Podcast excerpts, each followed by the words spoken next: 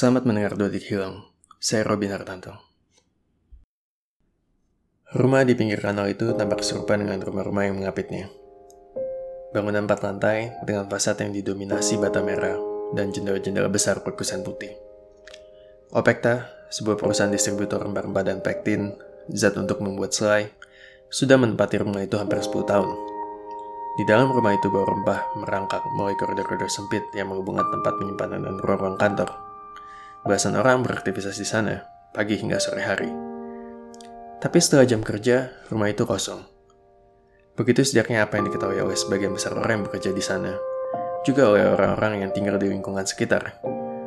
Mereka tidak tahu bahwa di ruang arsip kantor tersebut, di balik lemari buku yang menyimpan benda-benda dokumen, ada pintu menuju bilik rahasia di mana delapan orang bersembunyi dari maut. Tidak ada cahaya yang boleh memancar dari bilik itu. Suruh jendela kamar-kamar di bilik itu dilapisi oleh kertas belang tebal agar tidak ada aktivitas yang terlihat dari luar. Juga tidak ada suara yang boleh keluar dari bilik itu. Mereka harus berhati-hati melangkah dan berbicara. Apalagi di waktu malam ketika suara mampu melintas lebih jauh dari semestinya. Mereka juga harus awas untuk urusan buang hajat. Sebab sebagian besar pegawai perusahaan yang bekerja di rumah itu pun tidak boleh sampai curiga dengan suara air yang mengalir di pipa-pipa rumah.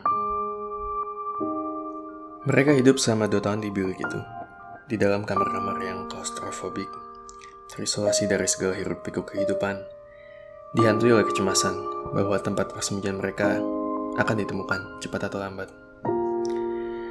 Tetapi di bilik yang kelam itu ada satu ruangan di langit-langit tempat Ana, salah satu penghuni rumah itu, menabung mimpi dan harapan.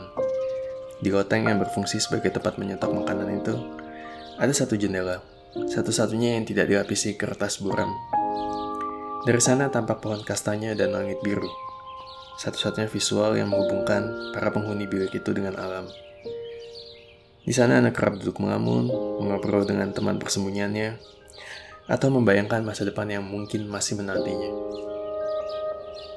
I go to the attic almost every morning to get the stale air out of my lungs. This morning, when I went there, Peter was busy cleaning up.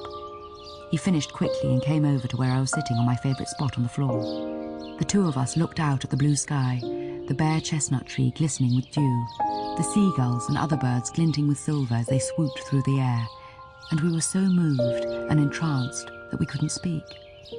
As long as this exists, I thought, this sunshine and this cloudless sky, and as long as I can enjoy it, how can I be sad? Setiap pagi ia menuju loteng, mengeluarkan udara sesak dari paru-parunya, dan dari tempat favoritnya itu, ia melihat langit dan pohon. Yang di atas cabang-cabangnya, tetes-tetes air berkilau seperti perak, dan burung camar juga burung-burung lainnya berterbangan menerjang angin. Rumah Anne Frank masih berdiri tegak hingga hari ini.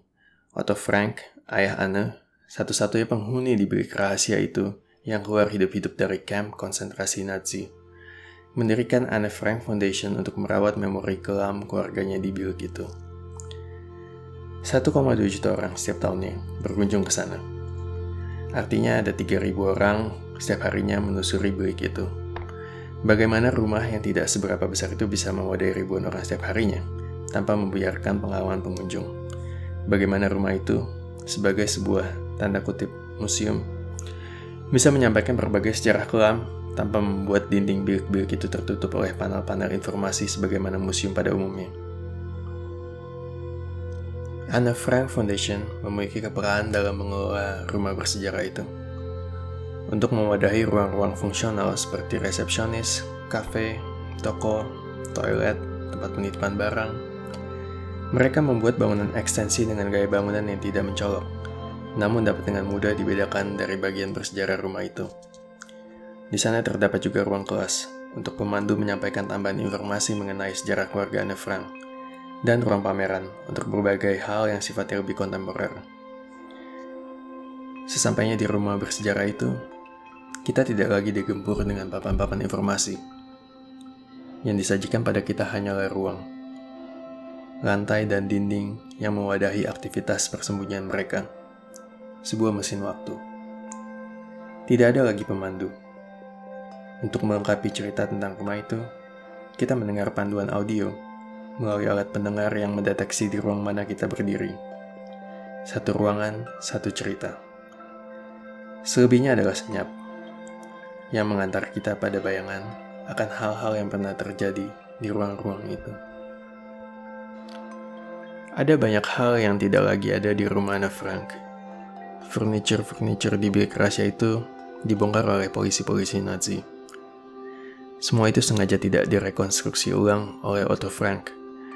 Karena buat dia, kekosongan itu justru adalah saksi bisu dari sejarah kelam yang mereka alami. Namun ada jejak-jejak yang tertinggal.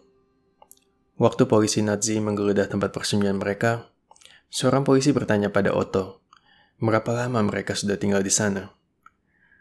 Otto menjawab bahwa mereka sudah tinggal dua tahun. Polisi itu setengah tidak percaya Bagaimana mungkin mereka bisa tinggal di sana dua tahun tanpa diketahui siapa pun? Otto lalu menunjuk goresan-goresan pensil di salah satu dinding kamar. Goresan itu adalah rekaman tinggi Anna dan kakaknya Margot selama mereka tinggal di sana. Di garis paling puncak di dinding itu tercatat angka 29 strip 7. 29 Juli. Lima hari sebelum bilik persembunyian itu terungkap.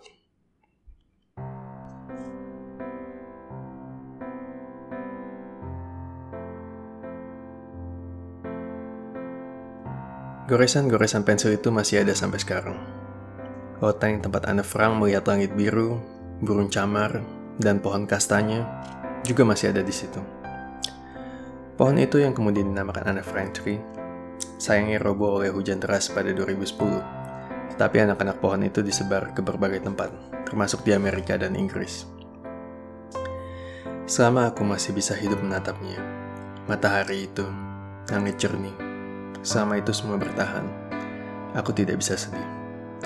Begitu kata Anna Frank. Ia dan loteng itu masih bertahan, menyisakan cerita untuk dibaca, dilihat, dan didengar oleh jutaan orang dari seluruh dunia.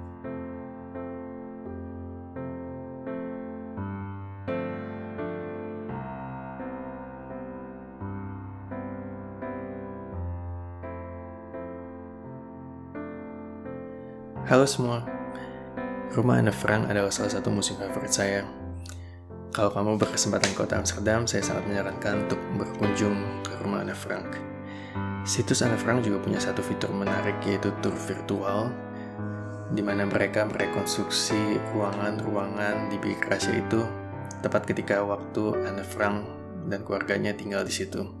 Jadi jika kamu belum ke kota Amsterdam dalam waktu dekat ini, situs itu bisa jadi alternatif. Terima kasih sudah mendengar dua titik hilang. Saya Robin Hartanto, sampai jumpa di episode berikutnya.